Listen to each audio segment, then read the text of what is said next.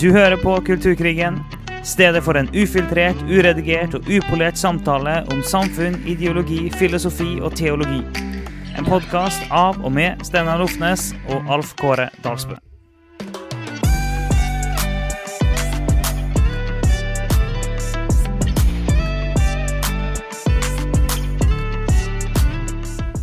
Da er vi klar for en eh, ny og spennende episode med ingen ringere enn eh, mannen, myten og legenden Øyvind Benestad. Eh, og for sånne folk som meg og Steinar, så er han faktisk det. Det er, det er jeg kan, jeg, Dessverre så har jeg ikke hatt et personlig kjennskap til Øyvind Benestad, men jeg har jo kjent til Øyvind Benestad i mange, mange år. Så det er en, det er en stor glede å ha deg her i vår podkast, Øyvind. Ja, mange takk. Det var jo litt sånn overdrivelser, men jordbruket Jeg får bare ta det for det der. Ja, men tusen takk. jo, men, men det, jeg, jeg syns det er artig å trykke litt til, men det skal jo sies da at, at du har jo stått i mye i mange år. Og det, er, og det er mange eh, på, blant oss som er takknemlige for den jobben du har gjort. Ja, tusen takk. Ja, det har jo fått noe, ikke noe lignende ordbruk, men eh, takk, eller ikke takk, men en slags beundring til og med for lederen av Foreningen FRI, som skrev på en e-post her for et par år siden at ja, da jeg var ung, så var det Øyvind Benestad som jeg leste om og leste av. Og da jeg ble eldre, så var det han. Og nå i dag, også etter 20 år, så er det fortsatt Øyvind Benestad. Han er i hvert fall utholdende. ja, morsomt.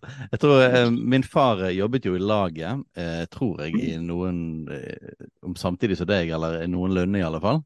Jeg jobbet i laget sjøl, og, og, eh, så jeg, jeg, husker jo ditt navn fra det. Uh, men spesielt denne her uh, bibelmiks, denne her brettbare brosjyren med alle mulige bibelvers på alle mulige ting, den var ganske utbredt på 90-tallet, tidlig 2000-tall, husker jeg. Ja. Den er jo heldigvis det fortsatt, fordi den er jo veldig nyttig. Ja, det er ikke fordi jeg har laget den, men det var en brosjyre jeg laget mens jeg var studentprest. Eh, for da opplevde jeg veldig sterkt at eh, det manglet noe sånn veldig enkelt hjelpemiddel for bibelbruk og bibelglede. Så da mm. satte jeg den sammen. Jeg, jeg, brukte så lang tid som jeg følte var nødvendig for at den skulle bli så god at jeg aldri behøvde å forbedre den. Og det, så det du lykkes med det? Par-tre år. Så den er jo kommet til i hvert fall 100 000 på norsk, og den finnes jo på mange andre språk også. Så bibelmix.com, der kan man laste ned på ni forskjellige språk. Ja, så kult. Ja, så du har hatt, eh, du har hatt uh, fingrene dine i mye forskjellig, spesielt dette med å lage materiale og sånne ting. Og det, det holder jo du fortsatt på med. Så, ja da. Hatt veldig sans for det med å lage enkle, tilgjengelige og lett reproduserbare ressurser som bare puttes i en kopimaskin. Mm. Så jeg har aldri hatt noe kalt til å skrive noe bok, men å lage brosjyrer og eventuelt noen små hefter og sånn, det, det, har jeg hatt sans for. Så det har jeg spredd i så store antall som mulig. Det, det, største jeg laget, det var mens vi var student, eller jeg var studentprest i Portugal i nesten ti år, sammen med kona og våre to barn. Og da var mormonerne veldig aktive i Portugal. De hadde 600 misjonærer i det lille landet Portugal. Og det vokste Oi. opp uh, sånne mormonerkirker mange steder. og mange, Ikke mange, men en del evangeliske kristne ble også veldig påvirket. Noen ble også, ja, omvendte seg til mormonertroen. Da laget jeg en brosjyre som vi delte ut til 100 000 eksemplarer til alle evangeliske kirker i landet. Sånn, ja. Som en vaksine for at de skulle skjønne hva er egentlig mormonisme. Ja, Så bra. Ja, nei, du, du, har vært flittig også. Og, og, jeg tenker vi må få litt sånn historie. og Hvem er du, og uh, hva har uh, leda deg dit du er i dag? Uh, men jeg husker jo Jeg husker første gang jeg, jeg så deg og hørte om deg. Det var sikkert 15 år siden eller mer. Men eh, jeg er jo ikke så gammel. Så eh, tilbake det, må, det, må, det, var før eh, den nye ekteskapsloven i 2008. Mm. Uh, så var du på et lite sted som heter Sandane. Så mm. var du der og holdt et slags seminar, eller hva vi skal kalle det. Og da var jeg, jeg husker ikke nøyaktig hva år det var, så jeg var vel ungdomsskoleelev eller videregående elev. Eh, og var med på det. da. Det husker jeg faktisk fortsatt, at du var der. Og jeg husker at du snakka om, eh, om eh, det, det, som var i ferd med å skje. Og mm. jeg husker at jeg syntes det var bra og viktig, men, men jeg forsto ikke på det tidspunktet hvor godt du egentlig traff i hvordan utviklinga har vært etterpå. da. Mm. Så, men det er litt artig å tenke på. at Jeg var, jeg var på et møte med deg for over 15 år siden. Jeg husker, jeg husker deler av det fortsatt. Så bra. Hyggelig å høre. Men så at nå er hovedarbeidet ditt, kan, vel, kan vi vel kalle det mor, far og barn?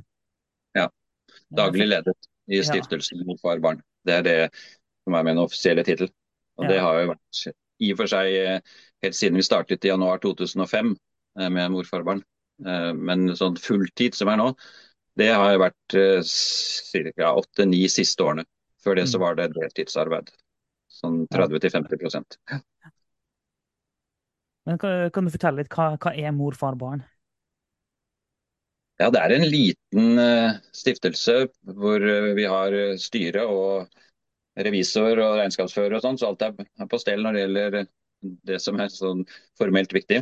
Men ellers så er det jo en gruppe som startet som en slags aksjonsgruppe i 2005 for å se om vi kunne påvirke partier før deres landsmøter på våren sånn mars, april, mai i 2005 hvor det kom opp eh, vi visste at det ville komme opp forslag i tre partier om å innføre en kjønnsnøytral ekteskapslov. Det ordet hadde jo de fleste nordmenn aldri hørt i det hele tatt. Så bare det informere om hva dette innebærer. Da. Eh, så vi skrev artikler, hadde annonser i avisene. Vi sendte tusenvis av e-poster til politikere i alle partier over hele Norge. Og jeg var en del på Stortinget prøvde å drive litt lobbyvirksomhet og sånn.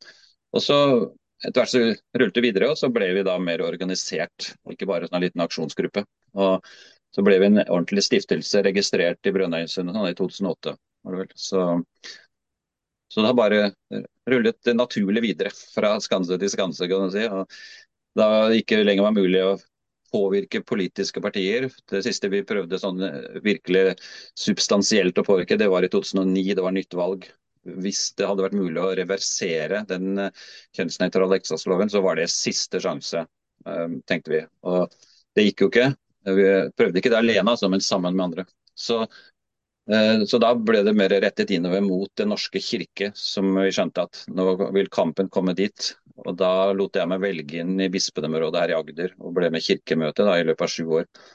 Eh, hvor vi lyktes ganske godt i begynnelsen, men så var det det at det kom en ny eh, valglov i Den norske kirke som gjorde at det var ikke lenger menighetsråd og kirkens mer trofaste tropper som stemte. Nei, nå var det åpent for hele befolkningen og på valgdagen til eh, sånn offisielle sekulære valg. Og så ble det også lov samtidig å danne egne lister og fremme sine synspunkter i egne grupper som da gikk til valg. og Det var helt nytt. og da, da tapte vi i 2016 og 2017, hvor det til slutt da ble innført i Den norske kirke også en kjønnsnøytral og likekjønnet teologi og liturgi.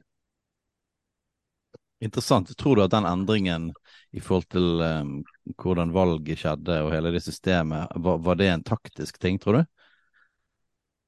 Um, det er vanskelig å si nøyaktig hvor langt politikerne tenkte, men dette her var jo en del av her, denne oppløsningen av statskirken, hvor ikke lenger Den norske kirke skulle være styrt av staten og departementet og sånn. Og da var forutsetningen fra flere politiske partier det var at det måtte være en demokratisering av hele kirken.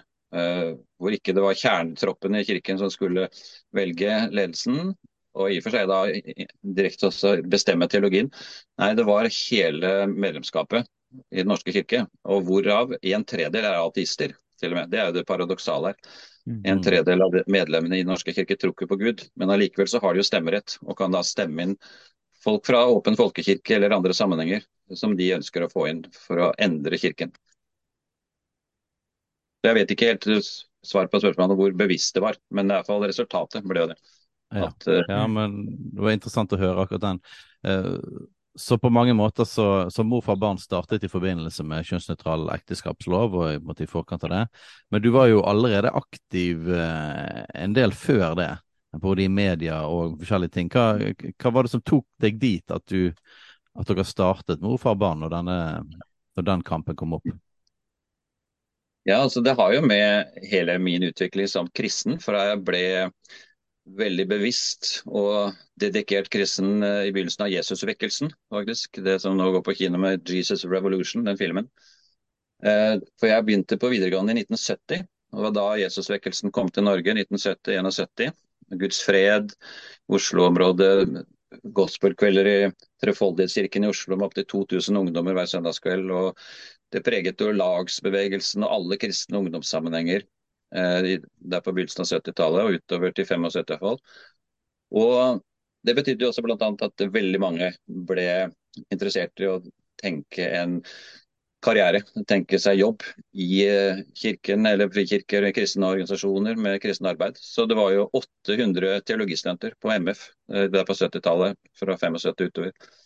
Og jeg begynte også med det. Men i fall, det var litt av sånn bakgrunnen for at jeg, jeg, tok et veldig avklart og definitivt standpunkt for at jeg ønsker å tjene Herren eh, resten av livet. Og da ble det teologi. Og både før og etter teologistudiet så har jeg vært veldig bevisst på og opplevde veldig tydelig for min del i hvert fall, at det viktigste i min tro, det er ikke at det er uh, populært eller at det er uh, trygt å være kristen, at da får jeg mening med livet og sånn, men det har vært det spørsmålet er dette sant? Uh, er det sant det Jesus sier? Er det sant den virkelighetsforståelsen som Bibelen presenterer? og så, videre. så dette verset som har vært mitt livsvers gjennom hele livet, framfor noe annet. Jeg har hatt mange favorittverser, men eh, det som har vært der konstant hele tiden, det er jo det som Jesus sier i Johannes 8. Hvis dere blir i mitt ord, er dere virkelig mine disipler. Da skal dere kjenne sannheten, og sannheten skal gjøre dere fri. Mm. Så dette med sannhet eh, som da går på hele livet, og det preget også ungdomstida med, med Jesusvekkelsen. At, eh, at troen min angår hele livet. Det er ikke noe sånn jeg gjør på søndag, så resten av uka gjør som jeg vil. Så dette med å være eh, lydig mot sannheten, tro mot sannheten, i kjærlighet både for meg selv og for andre, og prøve å påvirke andre til å se at dette er sant, det har jo preget meg hele tiden. Og da gjaldt det også seksualetikk. og da jeg begynte etter hvert å bli Jeg var både ungdomsarbeider mens jeg var student, og jeg var eh, jo da på teologistudiet. Og etter hvert som studentprest både i Portugal og i Norge, så var dette her med å hjelpe folk til å bli glad i Bibelen, til å være kort og godt lydige mot det Jesus sier, og mot sannhetene i Guds ord. Og Da oppdaget vi da vi kom inn fra Portugal at det var blitt mye sløvere. Vi var jo ti år i Portugal fram til 92, og da var det blitt mye sløvere i ungdomsmiljøet. Kristne ungdomsmiljø opplevde vi dette også med seksualetikk. Så da fikk jeg motivasjon og inspirasjon til å gjøre noe som de har gjort noe lignende i USA. Så vi tok noen ideer derfra og så fornorsket vi det. Og da ble det aksjonen 'Verd å vente på', som var i 1996. Og det hadde utgangspunkt av eh, bibelskolen på Hall i Mandal, hvor jeg jobbet da i fem-seks år som ledertreningssekretær i laget og hadde base da, på den bibelskolen. Og da fikk jeg med meg flere studenter, så vi jobba litt. Og så fikk vi etter hvert ti andre kristne ungdomsorganisasjoner, og også Kirkesamfunn, deres ungdomsarbeid, til å være med på denne aksjonen. Som vi laget åtte-ni temabrosjyrer og spredte det titusenvis rundt om i Norge. og Vi hadde mye forskjellig som, som, ble gjort. Og da, Det var min første eksponering i media. For da var det, Vi kom for førstesida i Dagbladet bl.a. med eh, 'Kristen ungdom eh, vil vente med sex'. Og så ble det på frokost-TV og debatter og forskjellig. Og da fant jeg ut at dette var jo ikke så farlig. Det gikk jo ganske greit. Det var litt artig. Så hadde liksom brutt den å bli oppringt av en journalist eller bli invitert til TV, det, det var egentlig bare greit. Så det var liksom helt starten, 1996. Og så i, rundt 2000-tallet så ble det mer og mer tydelig at nå blir det mer kamp enn det har vært hittil i kristne sammenhenger, ikke minst i Den norske kirke, angående dette med likekjønnet samliv, homofili. Og så tok initiativet til å få laget et hefte som het eh, Homofili og kristen tro. Eller sånn et eh, blad i tabloidstørrelse, avisstørrelse, på 16 sider med mange gjennomarbeidede artikler og en redaksjonskomité. og Den ble 35 eh, kristne organisasjoner og kirkesamfunn med på å utgi da, i 2003. Mm. kom det bladet. Vi spredte det i nærmere 120 000 eksemplarer rundt om i hele Norge. Og det ligger fortsatt på nettet. Det er forbausende aktuelt også i dag. Det ligger på homofili.com som eneste ressursen. Det var en nettside jeg oppretta i 2001. Eh, homofili.com. Der kan du lese det bladet på 16 sider i PDF. Uh, veldig mye bra stoff der. Uh, selv om noen av kildene sånn er, er, litt gamle, siden jeg er 20 år gamle. Men innholdet i artikkelen er like bra for det. Nå kunne vi egentlig gjerne gitt ut en 20-årsjubileumsutgave med akkurat samme artikkel, men bare oppdatere kildeinnvisningen litt. Så da, da, ble det jo enda mye mer eh, medieoppstyr, da. For det bladet fikk jo masse gode mottakelser rundt om. Det fikk masse meldinger og folk satte pris på det, det hjalp veldig, men samtidig også masse angrep. Det første Rett etter at det var gitt ut, så ble, ble jeg invitert til ukeslutt og skulle diskutere med Kim Friele, som uh, dømte dette bladet nord og ned. Og Benestad er bare en ufyselig kar. og Jeg kan ikke si hvor uenig jeg er. og han, han, har så mye vondt å si at det er ikke måte på. Og så, ble, så var jo hun så aggressiv at uh, programlederen kom jo på min side, da. Så, så det var litt interessant. Jeg tenkte det var interessant at uh, både denne Verdt å vente på og dette uh, bladet om homofili, at det var så mange kristne organisasjoner som var med og sto bak det. Og det får meg til å tenke på hadde, hadde noe lignende vært mulig i dag? Hadde disse organisasjonene fortsatt stilt seg bak disse tingene? Ja, så det er jo veldig interessant fordi mor, far, barn, uh, vi tok jo også initiativet til noe lignende i 2016, som ikke er så lenge siden. Det er jo da sju år siden nå, men eh, det er jo tross alt ikke så lenge siden. Og det er jo et lite, eh, et lite hefte på åtte sider som, som heter 'Ekteskapserklæring'. Et verdidokument i møte med vår tids kjønnsnøytrale eh, ideologi. Og der eh, beskriver vi hva kristen tro går ut på når det gjelder seksualetikk, og særlig da i forbindelse med likekjønnet ekteskap og, og, tilhørende temaer. Og Der fikk vi jo med oss det var mor, far, barn, pluss 35 forskjellige kirkesamfunn og organisasjoner. Og mm. ingen har trukket seg. Så det er veldig interessant. Det ligger jo også ute på morfarbarn.no og flere steder. Eh, og Mange har jo brukt det som et sånn verdidokument eh, og en basis for det de har eh, kommunisert at dette står vi for, dette støtter vi. Og Det er et veldig viktig dokument også for lekfolk. Eh, hvem som helst av de som hører på denne podkasten også kan jo finne og si at dette står jo vårt kirkesamfunn også for, eller vår organisasjon. Så, og det gjør de fortsatt, egentlig. Hvis ikke de har trukket seg, så regner jeg med at de fortsatt er enige om det de har vært med på.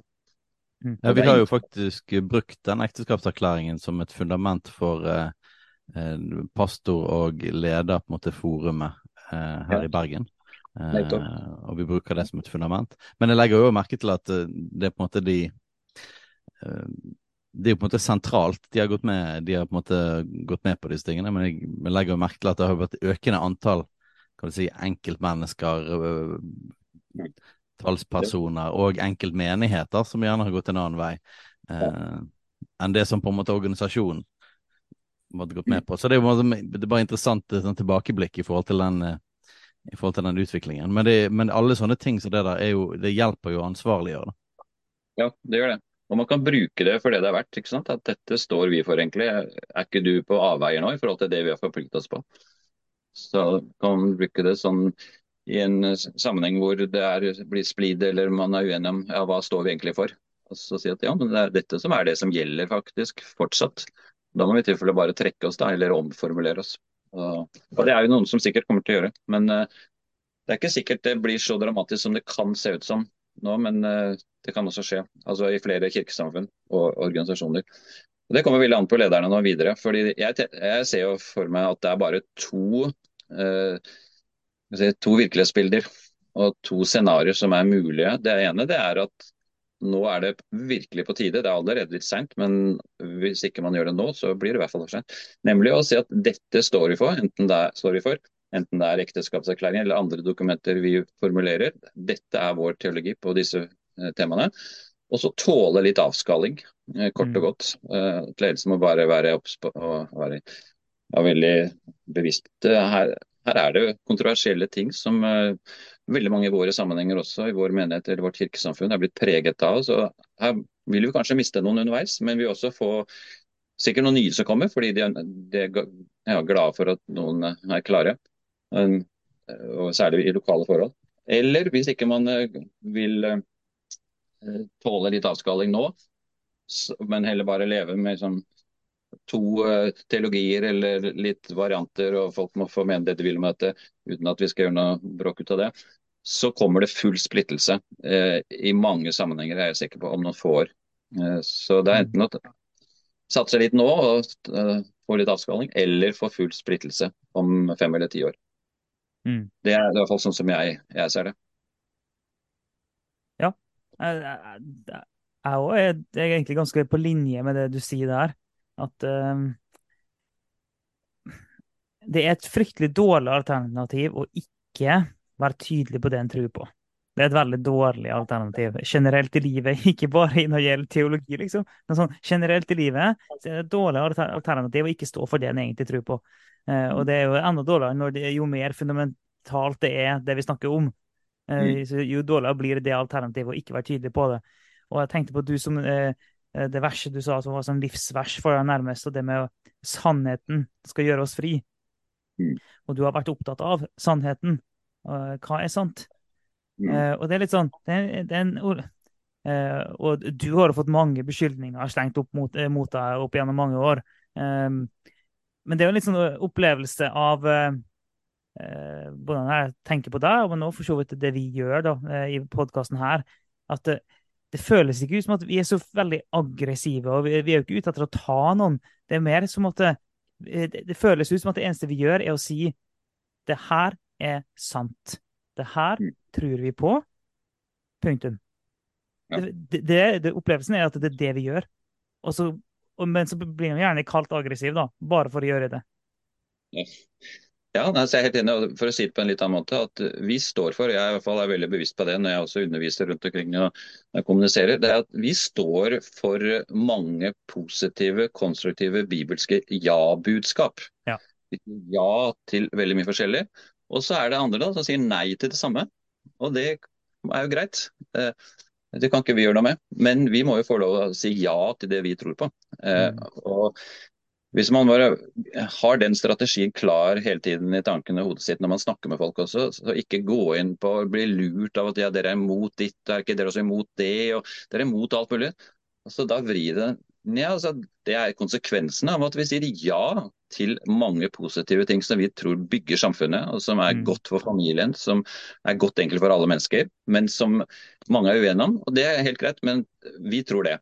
Og Da syns jeg det er veldig interessant at fem av de sannhetene og de normene som eh, jeg og de aller fleste kristne over hele verden står for, det er jo fem normer som som frontkolliderer samtlige av dem med det som f.eks. For Foreningen FRI står for, og som hele den skeive ideologien står for. Nemlig ekteskapsnormen, at ekteskapet er kjønnspolært. Det er kjønnspolaritet mellom mann og kvinne. Det er definisjonen på et ekteskap. Det er tokjønnsnormen. Det finnes bare to kjønn. Eh, for Det er bare sæd fra en mann og egg fra en kvinne som kan produsere nye barn.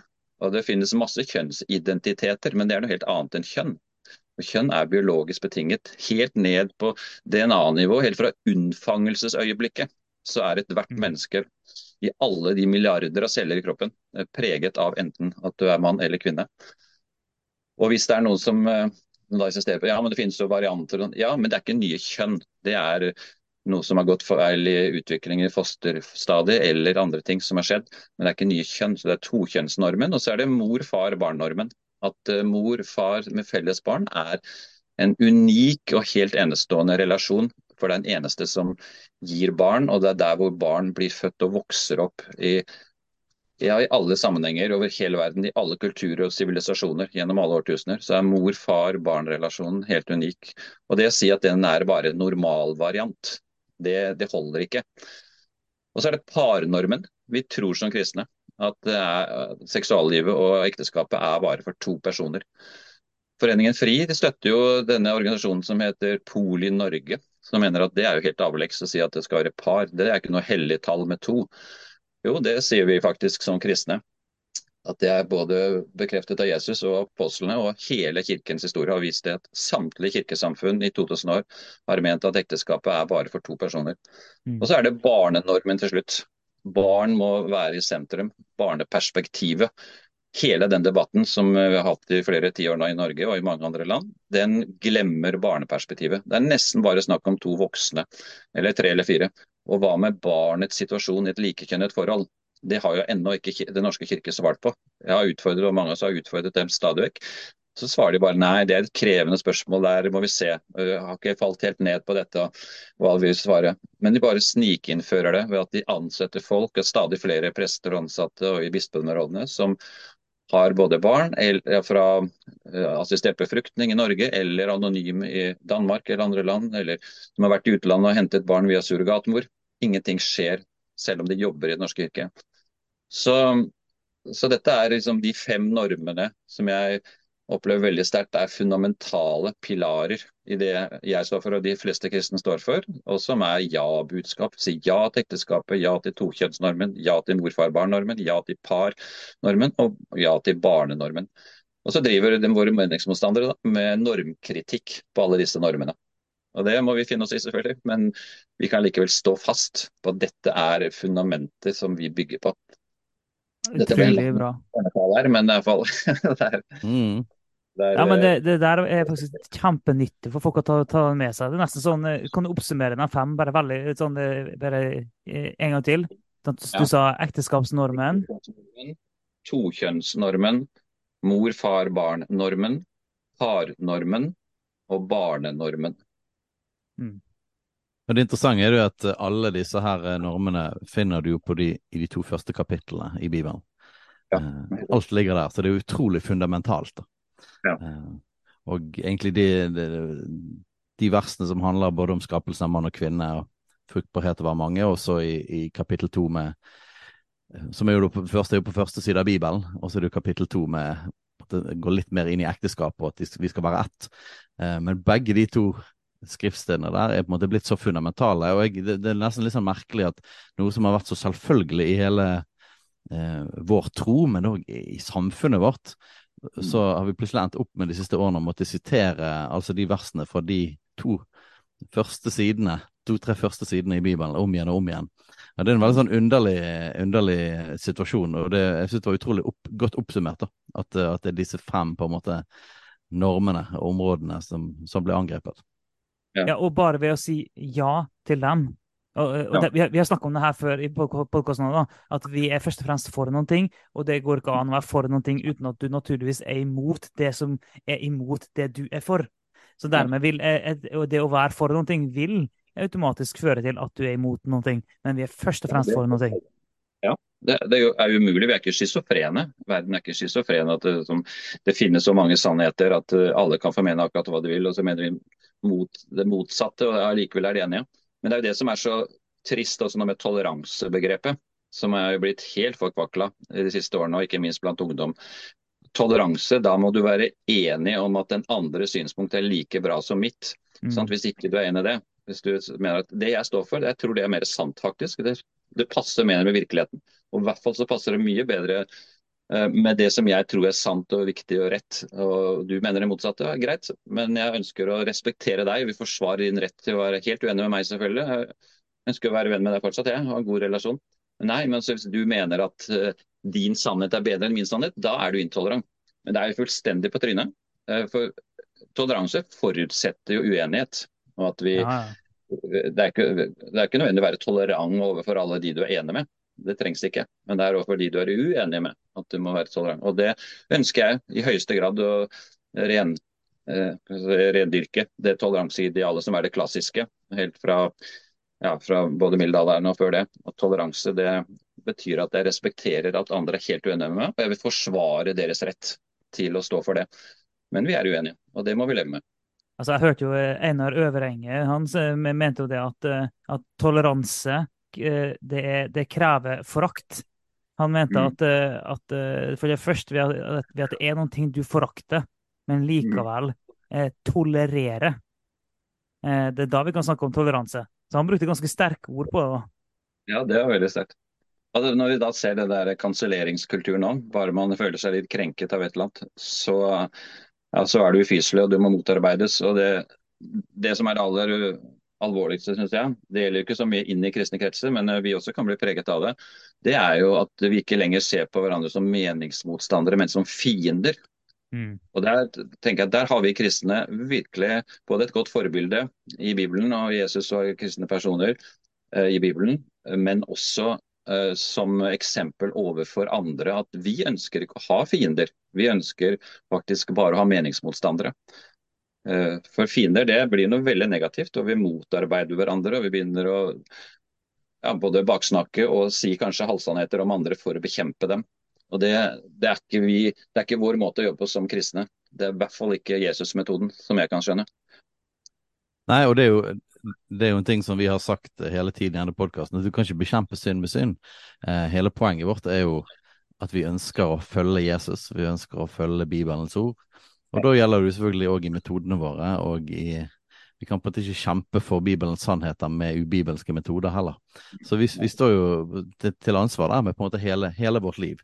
Eh, både ja. tydeligheten, men òg i hvordan vi møter mennesker. Ja. Um, det går jo an å bli så opprørt, ikke minst nå i kjønnstematikken, at barn skal begynne med pubertetsblokker og eventuelt etter hvert hormoner, og til og med kanskje ende opp med kirurgi. og operere bort friske kroppsdeler. Vi kan bli så opprørt over at det skal nå barna våre lære at det er helt ålreit. Det er til og med positivt. Eh, men allikevel så er de som står for dette, de er ikke fiender. Altså De kan oppleves det sånn følelsesmessig, men vi må bare hele tiden rendyrke dette idealet om at vi har meningsmotstandere, men ikke fiender. Og synes jeg også Det er veldig avs avslappende. Det kan senke skuldrene. Det sier jeg til mange også at Vi er ikke kalt som kristne til å vinne diskusjoner, men vi er kalt til å vitne om hva vi tror på, hvem vi tror på, og hvorfor vi tror det vi gjør. Mm. Ja. Og det også går litt på det samme at vi, vi, behøver ikke å vinne diskusjoner og prøve å sette det andre til veggs og sånn, Nei, men vi kan vitne. Mm. Og ikke da bare sånn om hvem Jesus er, men om disse temaene også. Altså Jesus er autoriteten vår, det er klart. Men uh, at vi også kan uh, vitne om begrunnelsene våre, disse ja-budskapene våre. Mm. Litt av sånn premisset i hele hele denne podkasten, er jo på en måte at sånn som vi ser det, så står vi i en sånn kulturell revolusjon som har vart uh, i en del tiår, spesielt mm. siden slutten av 60-tallet. Um, ehm, og at vi på mange måter er, sånn, går fra skanse til skanse, da, men at det er på en måte mye av den samme drivkraften bak det, som handler om en oppløsning av rammene fra skapelsen av. Og um, det hadde vært litt interessant å høre hvor, hvor opplever du at vi er akkurat nå? Hvor liksom skoen trykker eh, i Norge i 2023? Ja, altså, vi er jo kommet veldig langt på en uh, utvikling som uh, kan føre virkelig til uh, at mye rakner. jeg liker det bildet der med at samfunnsveven består av mange, mange tråder av sivile både rettigheter og grupperinger og samfunnsliv og også politiske, militære altså Samfunnsveven er alt det som eksisterer kan du si, av, av liv i Norge. Det er, går inn i sånn et stort, et stort vevet teppe. Men hvis man da begynner å løsne på renningen, at der hvor alt er festet øverst oppe, begynner å ta bort noe av renningen, så begynner jo ting å rakne. Og jo mer man tar bort, jo mer rakner. Og det opplever har jo skjedd de siste tiårene. Men om det, om det, er folk etter hvert som begynner å reparere disse renningene for å få ting tilbake på plass. Det ser det ikke ut som noe på kort sikt vil skje. Men eh, jeg er ikke så pessimistisk at jeg tror at alt vil gå ut i fullstendig kaos eh, om noen, et tiår eller to. Men eh, det kan være jeg er for optimistisk, for det, det ser jo ganske dystert ut. Men jeg tror det kan komme ganske klare pendelsvingninger på en del av disse temaene. Og særlig det som har med barn å gjøre, og med kjønnsdysfori og kjønns... Eh, eller kroppsendrende behandling. Eh, det er ikke kjønnsendrende behandling, for kjønn kan ikke endres. Det, mm. du kan ikke operere i alle de milliarder av celler i kroppen din, men du kan eh, drive kosmetiske operasjoner med hvordan du ser ut. Det er klart. Men i hvert fall, alt det som har med barn å gjøre på det feltet der, det kan være vil få en ja, få noen motkrefter som blir så sterke at de kan endre ting. Men samtidig så er det jo nå Det som blir neste skritt kanskje i utviklingen, det er jo eh, sånn seksualisering av barn. Så Det er jo nå tegn som tyder på, både gjennom do, Verdens helseorganisasjon og FN-systemet og i eh, flere store organisasjoner i USA, som nå sprer eh, læremateriell ut i skoler og sånn over hele verden. Ikke minst i fattige land. Hvor liksom, seksualitet er noe som hører til fra barnet er to år gammelt. og før det også. Vi er seksuelle vesener fra vi er født, og det må, vi, barna lære seg. Og lære seg å onanere. De må begynne å leke med hverandre eh, i barnehagen. Seksuelle leker osv. Eh, det er ikke kommet i full blomst enn i Norge, selv om i dag så er faktisk Utdanningsnytt så er det på nettet det er en interessant artikkel som jo går i den retningen. da at eh, barnehagelærere må, må ikke bli forskrekket når barna leker seksuelle leker. Heller det motsatte. Det må være noe man kan til og med legge til rette for hvis, uh, hvis det ikke er noe, noe som uh, skader noen eller skal være uheldig. og sånn. Men altså det, det, er jo det neste feltet som nå kommer, og den neste tematikken. som har allerede vært, Det har allerede, allerede vært i emning og behandlet i mange internasjonale organer. Eh, hittil. og Det kalles comprehensive sexuality education. Altså comprehensive, omfattende, dyptgripende, noe som skal liksom favne alt. Og da betyr det altså helt ned til barnet er eh, to-tre år gammelt. Mm. Og Hvordan det skal gå, eh, det blir også spennende å se. da. Og Det blir også en kamp som sikkert mange av oss i Norge også må kjempe. Fordi vi ligger jo langt framme i tet, om ikke vi er på førsteplass, så er det ikke langt fra. I alt som har med seksualitet å gjøre. Og hvor det er så, så mye støtte i politiske kretser, og hvor det er så mange som, som ønsker å fremme dette. Så det er, det er veldig uforutsigbart hva som vil skje framover nå. Men jeg er veldig oppmuntret over at de siste ukene og månedene så har det jo har stadig flere stemmer kommet fram fra kristen sammenheng. Eller kanskje ikke bare kristne, men i det hele tatt Eh, stemmer som eh, ikke er av de som har vært i gamet i flere tiår, men er nye, og ikke minst foreldre. De tror jeg er de, blant de som har aller størst autoritet der, som kan bety en forskjell. Det er når foreldre samler seg, forener seg og, og reiser seg. Og Vi må lære av Karl Marx. Eh, arbeidere i alle land, foreneder. Mm. Si. Foreldre i alle skoler, foreneder. Mm. Mm.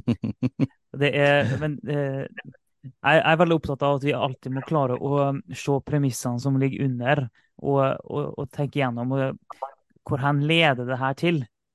Ja. Og, og, det er jo litt sånn, ok, Hvis, uh, hvis en skal begynne å legge til rette for barns seksualitet, um, så er veien er ikke lang før en kommer dit at med en gang, at det blir kort vei til at oi, nå driver vi visstnok på med en undertrykkelse av barns seksualitet fordi at vi gir mm. dem rammer, f.eks.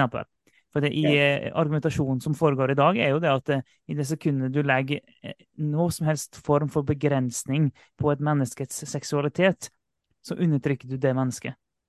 Mm. Og det, så, og for noen, kan, noen kan jo argumentere for at nei, men barn må jo lære om seksualitet.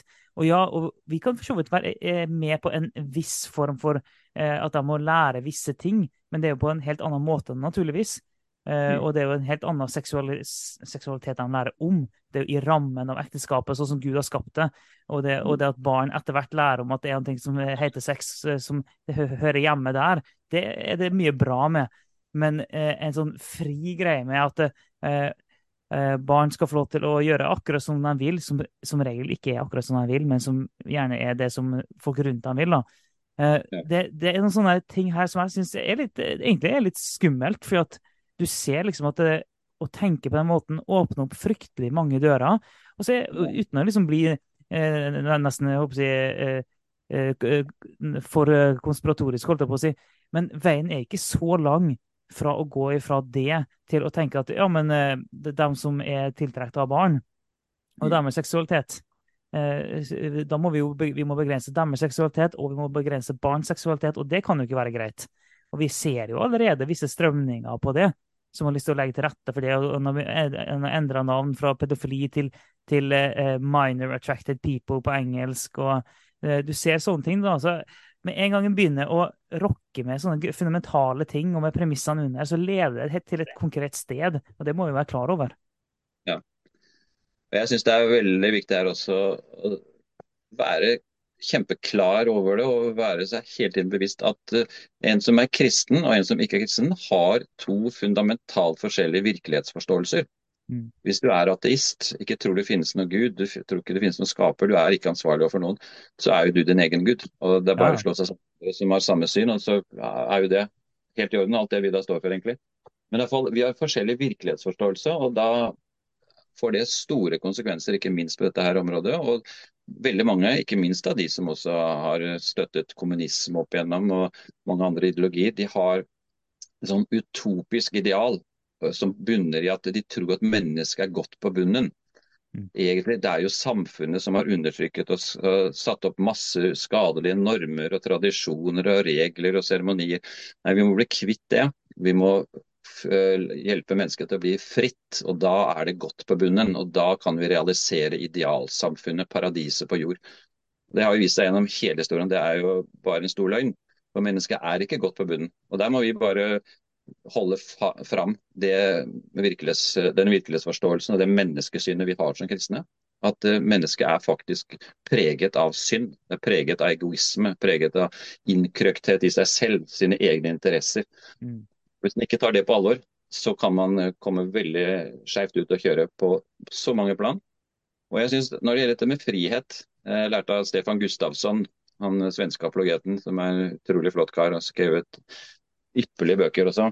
Og Han sa på et seminar for et par år siden at det som Jesus sier om at frihet, nei, sannheten skal gjøre dere fri, det har postmodernismen og også da egentlig hele pridebevegelsen omskrevet, satt på hodet. Og det blir da i stedet friheten skal gjøre dere sanne. Mm. Og når du har det som utgangspunkt, Det er ikke sikkert du formulerer det på den måten, men det er det som ligger under det du står for. Nemlig at frihet er den største verdien. Det er idealet, det er det vi skal styre etter. Alle må få full frihet til å gjøre det de vil, være den de vil, tenke som de vil, Uansett så er det frihet, grenseløs frihet. Så stor frihet til og med at du kan frigjøre deg fra kroppen din. Du bør ikke bry deg om kroppen, for den betyr egentlig ingenting. Den er sånn råmasse for det du føler og tenker og det du ønsker å ha som preferanser. Og så skal, er det liksom mellom, hva som er mellom ørene i hodet. Det er det som betyr noe. Som Espen Ester Prelle Benstad har sagt på Dagsrevyen og i mange andre sammenhenger, uten å bli motsagt. Kjønn sitter ikke mellom bena, det sitter mellom ørene. Og Når du har den innstillingen også til mange andre ting, at frihet er det som betyr noe, det er det som vil gjøre oss sanne og opp, oppleve og oppdage vårt egentlige jeg, når vi bare får grenseløs frihet som om det er mulig. Mm. Eh, det er jo ikke, som du nevnte også her i sted, uh, Alf Kåre, at, uh, at det, er, det, er, liksom ikke rammer. det er ikke, Man tror man gjør ting selv ut fra eget hjerte og ut fra eget personlighet, og så er det jo bare hva man er påvirket av. Er det TikTok, eller er det Instagram, eller er det en influenser på Facebook? Hvem er det egentlig som, som, har fått meg til å mene det jeg gjør? Nei, jeg har bestemt meg helt av meg selv. Jeg, jeg har ikke, jeg er ikke influert av noen, jeg. jeg. Det er helt sånn, jeg har funnet mitt sanne jeg. Og Det er bare ja. en illusjon som er så tragisk og tragikomisk, nærmest. Så... Det er så så, men jeg tenker på ting når du snakker nå. og det, og det, Helt tilbake til i starten, når du nevnte det med bibelmiks og sånn, og du snakker om bibelglede. for Du snakker om hva vi blir påvirka av. Og Vi alle mm. blir jo påvirka, og vi blir mye mer påvirka enn hva vi tror. Og vi blir mye mer påvirka av samfunnet rundt oss. og Den som sier at den ikke blir påvirka av reklame, blir i alle fall påvirka av reklame, osv. Ja. Uh, og jeg, jeg, jeg, vil nå hevde at en av årsakene til eh, den utglidningen vi har sett i deler av eh, kristen Norge, da, og det vi har sett skje i eh, Den norske kirke f.eks., at deler av det er helt overbevist handler om en manglende påvirkning fra Guds ord. Ja. At, det, at, det har blitt gradvis mindre og mindre påvirka av Bibelen, og gradvis mer og mer påvirka av andre kilder. Og Eneste måten vi kan på en måte motvirke den påvirkningen vi blir utsatt for hver eneste dag, er å sørge for at vi blir påvirka av noe som er enda sterkere.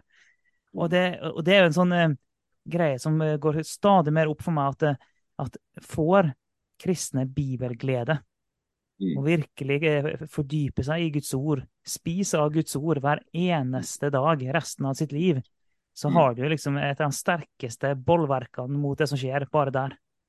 Ja. Jeg er helt enig. Amen.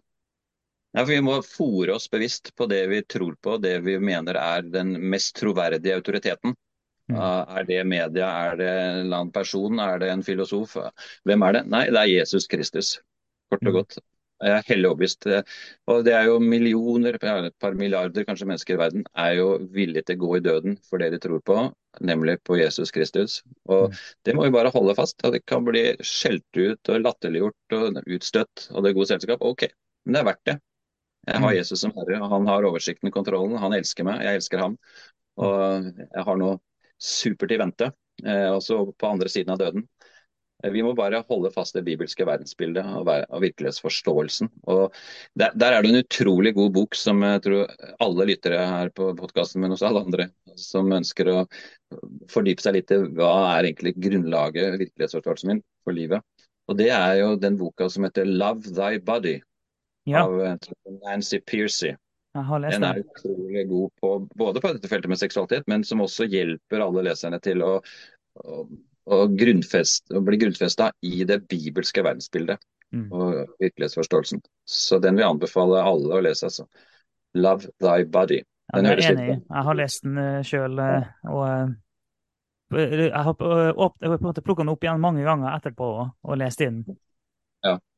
Den håper jeg kommer på norsk. Altså. Jeg har hørt eh, noen kristne ledere som også har lest den og syns den er så bra at den bør komme på norsk, men det har ikke skjedd noe foreløpig. Så hvis noen lyttere her kan hjelpe til med det, så gjør det ikke det. altså, Det var interessant du Når vi snakket litt om hvor, hvor skoen trykker henne akkurat nå, eh, så var det interessant du nevnte den artikkelen i Utdanningsnytt, for jeg leste den akkurat i går kveld.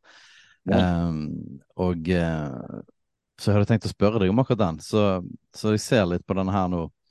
Eh, bare for å trekke et par ting ut av det. Dette Utdanningsnytt er jo da et sånt eh, fag, fagblad eh, som blir sendt ut til lærere og ansatte i barnehage rundt omkring i hele landet. Um, og så snakker de jo om det, Hele sånn premiss, eller det som ligger under her, er det at man snakker om at man må bli bedre på, eller mer avslappet i forhold til det med seksualitet hos barn i barnehagen, fordi at det kan unngå eh, overgrep. Altså, på det, altså, liksom, man, man, argumenterer for at liksom, hvis du hvis man eh, skambelegger eller på en måte lager for mye grenser, så er det en vei til, til uh, overgrep for barn. Så det, er en interessant ting. Du, du bruker en ganske sånn kraftig eh, kraftig greie her da, for å på en måte åpne opp dette temaet. Du kan bare dra ut noen ting her fra det.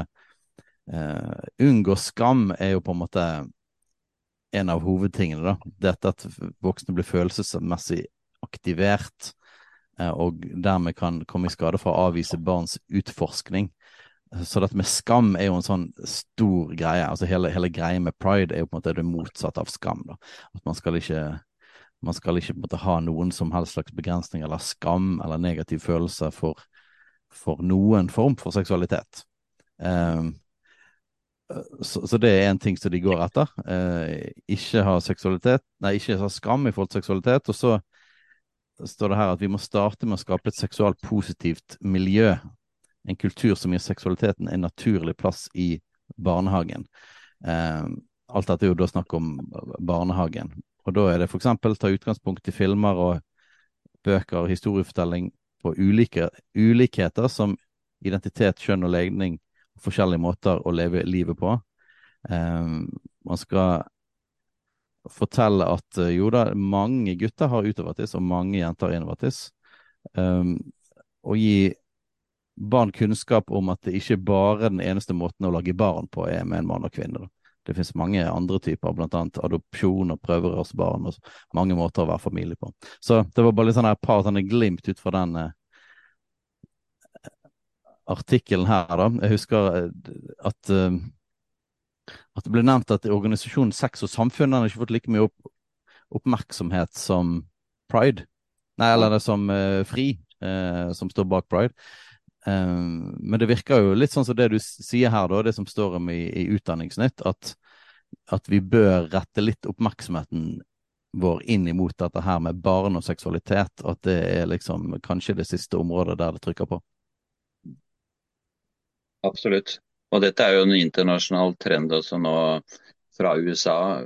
En av de største pådriverne til, som har holdt på i mange år med dette, det er jo Planned Parenthood som er verdens største abortorganisasjon. Og som sex og politikk er en, den norske avdelingen.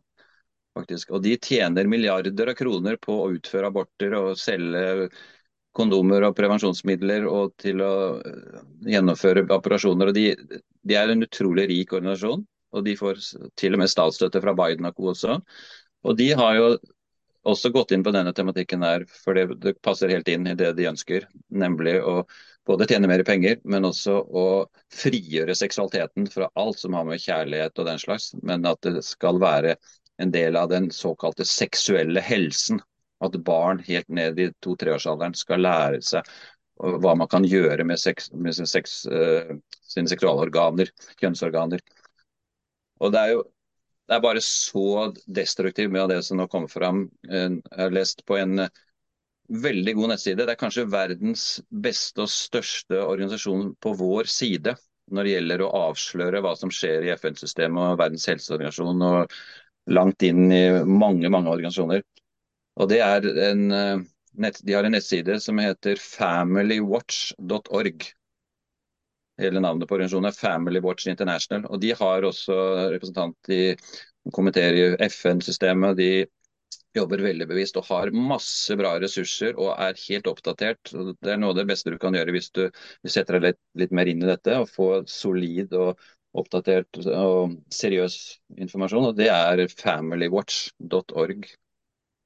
Så den uh, håper jeg flere noterer seg og går inn på og blir litt kjent med det som står der. Og De også har en egen aksjon, Stop Comprehensive Sexuality Education, som er, uh, er, bare et pent navn på noe som handler om å seksualisere barn helt ned i, i ung alder, to-treåringer. Eh, ikke at alle da skal skal gjøre alt det som de sier, men at det, det åpner opp en demning som uh, vil kunne mm. føre til så mye dramatisk som ikke vi er. Vi har ikke tenkt tanken på at det er mulig, men nå ser det ut som det kan bli mulig i en del uh, miljøer og en del land. Vi skal se hva som skjer i Norge, om vi greier å, å være en motstemme som får betydning. Det vet jeg ikke, men det hadde vært utrolig bra. Ikke komme etterpå når alt er vedtatt i Stortinget, sånn, men være litt i forkant. Og Da er familywatch.org en av de beste stedene å starte det, det, er mange, det, er så mange, veier vi kan ta denne samtalen her. Men jeg bare lurte på om vi kunne pensle det litt inn på um, For Lytterne av podkasten her er jo stort sett helt vanlige kristne, og podkastens eh, målgruppe er jo andre kristne. Vi ønsker å være, en, ønsker å være til, eh, til, hjelp for andre kristne hovedsakelig, og så må alle gjerne høre på, men det, det er det som er målgruppa vår. da. Mm. Uh, så helt vanlige kristne folk i Norge som hører på, og uh, i møte med de tingene vi snakker om her, altså hva, hvordan skal vanlige folk holdt på å si, gå fram i, i, møte med om det er skole, eller om det er naboer, familie og venner, og, og mm. ting presser på på dem sjøl, eller på deres egne barn. og så kunne vi klart å snakke, gitt noe konstruktivt for liksom, det som vanlige folk står i i sin hverdag. Mm. Jeg tror det viktigste stikkordet, det er kunnskap. Alle som mener at dette er alvorlig, dette er eh, et tema jeg bør vite litt om. Jeg bør kunne snakke med mine egne barn og barnebarn om dette, uten å bli taus etter et par setninger. Jeg, mm. jeg ønsker å være, bli i stand til det, få frimodighet til det. Da må du skaffe deg kunnskap. Og Da er man nødt til å drive litt selvskolering. Eh, bruke f.eks. Eh, nettstedet morfarbarn.no. Vi har et eget kurs med videoer og med powerpoint-bilder og alt mulig. Og vi har denne som jeg nå nevnte, familywatch.org. Du har eh, skeivteori.no, som jo Truls Olufsen Mehus og Kristen mm. Ressurssenter har startet opp, som er veldig viktig nettsted. Så det er ikke ferdig utviklet ennå, det kommer mer stoff nå snart. Men hvor de går gjennom norske skolebøker for dokumentasjon, og som blir meget strategisk å ta med seg hvis man vil snakke for med en lærer eller med rektor på skolen eller barnehagestyreren. Eh, så det å vise hva som står i bøkene, det er ikke bare vi som er veldig nervøse og trippende. Nei, det, det, er sånn det står i skolebøkene. Mm. Og så tenker jeg også ved siden av det å ha noen mål for seg selv, at jeg vil bli mer informert og kunne litt mer disse tingene. Så sette seg noen mål, ikke bare tenke at ja, kanskje til neste år før det tid. Nei, sett deg et mål, en halvtime i uka. Så er du allerede ved juletider ekspert på mange ting som du nå ikke hadde peiling på. Og vet mye mer enn dine naboer og venner og familie. Mm. Så vi, vi er, det er bare latskap eller uh, mangel på erkjennelse av alvoret i situasjonen som vil hindre oss. Det finnes masse på nettet, du behøver ikke kjøpe en eneste bok, men det er masse flott på nettet nå. Så Det er det ene. Og det andre det er jo, som jeg allerede nevnte, vi må slå sammen, forene oss. Eh, dette her eh, foreldrenettverket som kom opp nå i, på Sørlandet for et par uker siden. Det er jo sånn to mødre som eh, nå starter opp foreldre.nett.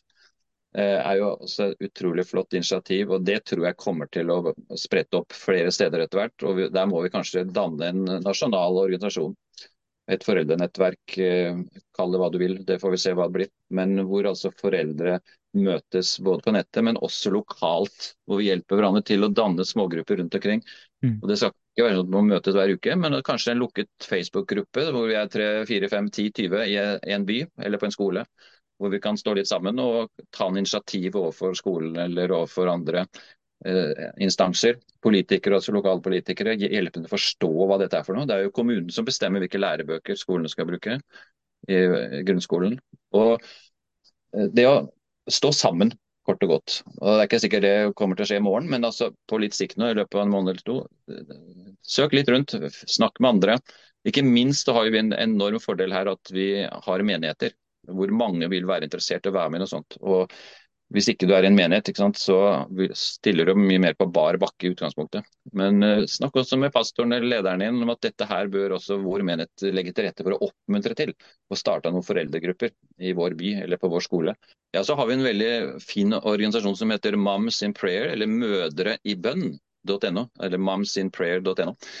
Eh, som er en internasjonal organisasjon, men som har en norsk avdeling som har holdt på i flere år. og De har ca. 150 bønnegrupper med foreldre, og mødre da primært. Men jeg er sikker på at de gjerne tar imot noen fedre også, eller at vi kan starte egne grupper, kanskje. Fedrebønn. Men fall eh, som ber for skolen, for lærerne, for rektor, for elevene, for medelevene, og som er opptatt av hva som foregår i skolen, ikke minst, og også i fritida til barna. Men som er opptatt av dette å stå sammen. Og Det kan man jo danne lokalt. To-tre venner. La oss begynne å møtes annenhver uke eller tredje hver uke. Men i fall, gå gjerne inn på deres nettsted, momsinprayer.no. Så det er, det er liksom kunnskap og fellesskap. Slå mm. seg sammen med andre. Det er liksom to nøkler, tror jeg. Og ikke undervurdere sin egen betydning. Når du ser hva humanetiske foreldre kan få til av å blokkere julegudstjenester, eller at eh, de som ikke vil være med på julegudstjeneste skal få alternativ undervisning når julegudstjenestene foregår, se hva bare ett foreldrepar kan bety for å stoppe sånne ting så må vi også tenke at ja, men det kan jo skje på vår, på vår side i den si, åndskampen vi står i også. det, At mm. et par eller tre-fire foreldre går til rektor og, og på en vennlig og gjerne litt sånn nysgjerrig og ut, utforskende måte spør ja, vi opplever dette veldig vanskelig. Hvilke råd vil dere gi oss som foreldre som er dypt uenig i noe av det som nå står i lærebøkene? Starte litt sånn mildt og forsiktig. og Hvis det viser at eh, de setter seg helt på bakbeina fra skolens side, så kanskje ja, vurdere en eller annen aksjon hvor man gjør noe mer sånn aktivistisk. Men starte forsiktig, for det er mange rektorer og lærere som er enige med oss også. Men de har jo mm. ingen støtte i det offentlige apparatet. Så når de da opplever at her er foreldre egentlig enig i det jeg ønsker for skolen vår, så vil det jo være en utrolig oppmuntring for disse lederne også på skolene våre. Så, der er det mange... Foreldre har jo ja, foreldre har jo egentlig en utrolig eh, sterk innflytelse i, i skolesystem og barnehager. Kanskje sterkere enn noen gang.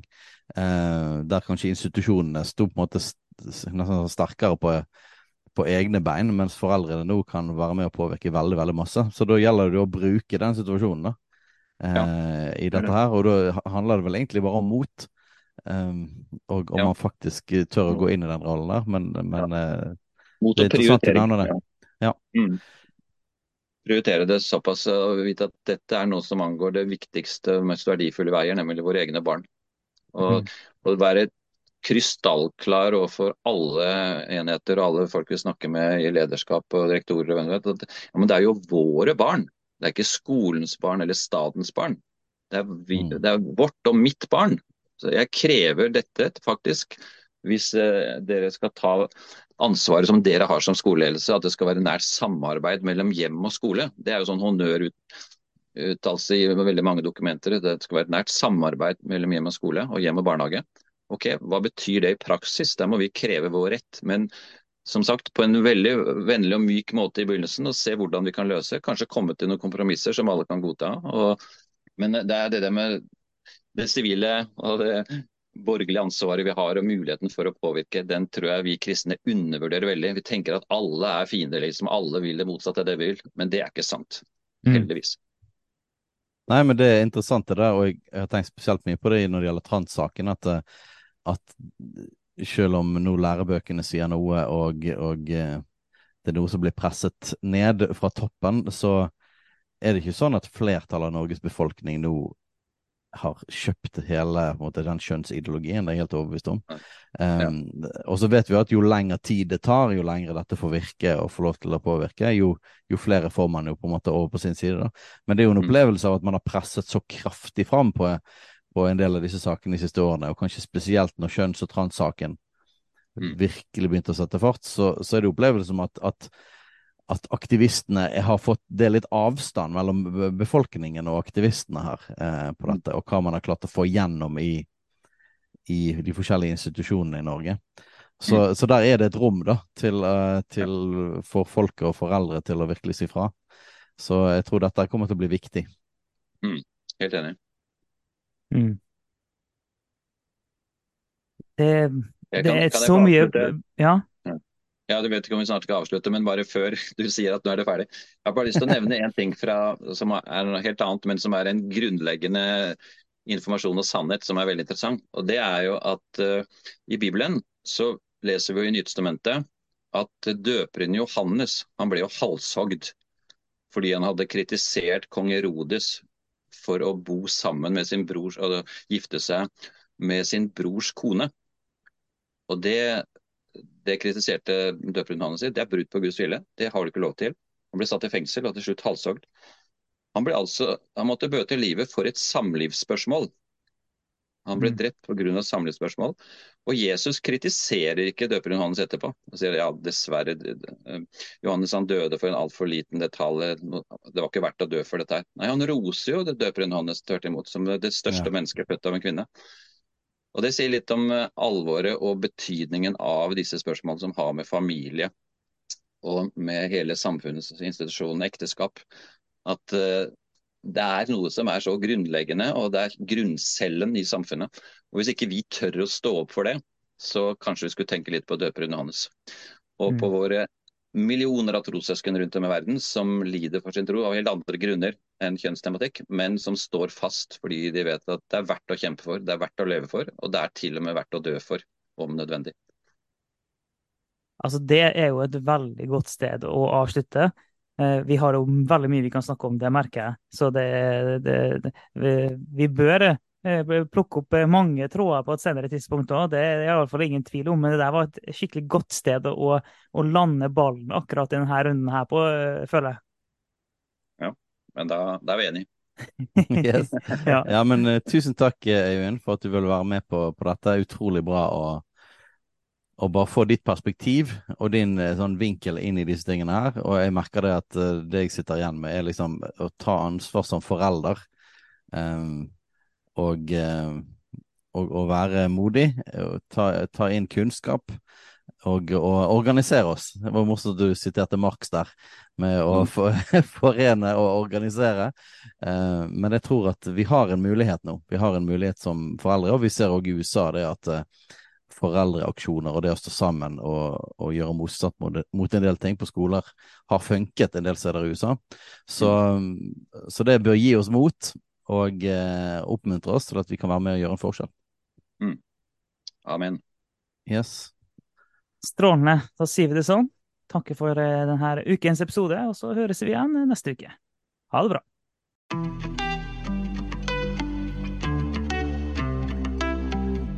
Takk for at du lytter på Kulturkrigen. Om du har tilbakemeldinger, spørsmål, hva som helst egentlig, send inn til post alfakrøllkulturkrigen.no eller på sosiale medier.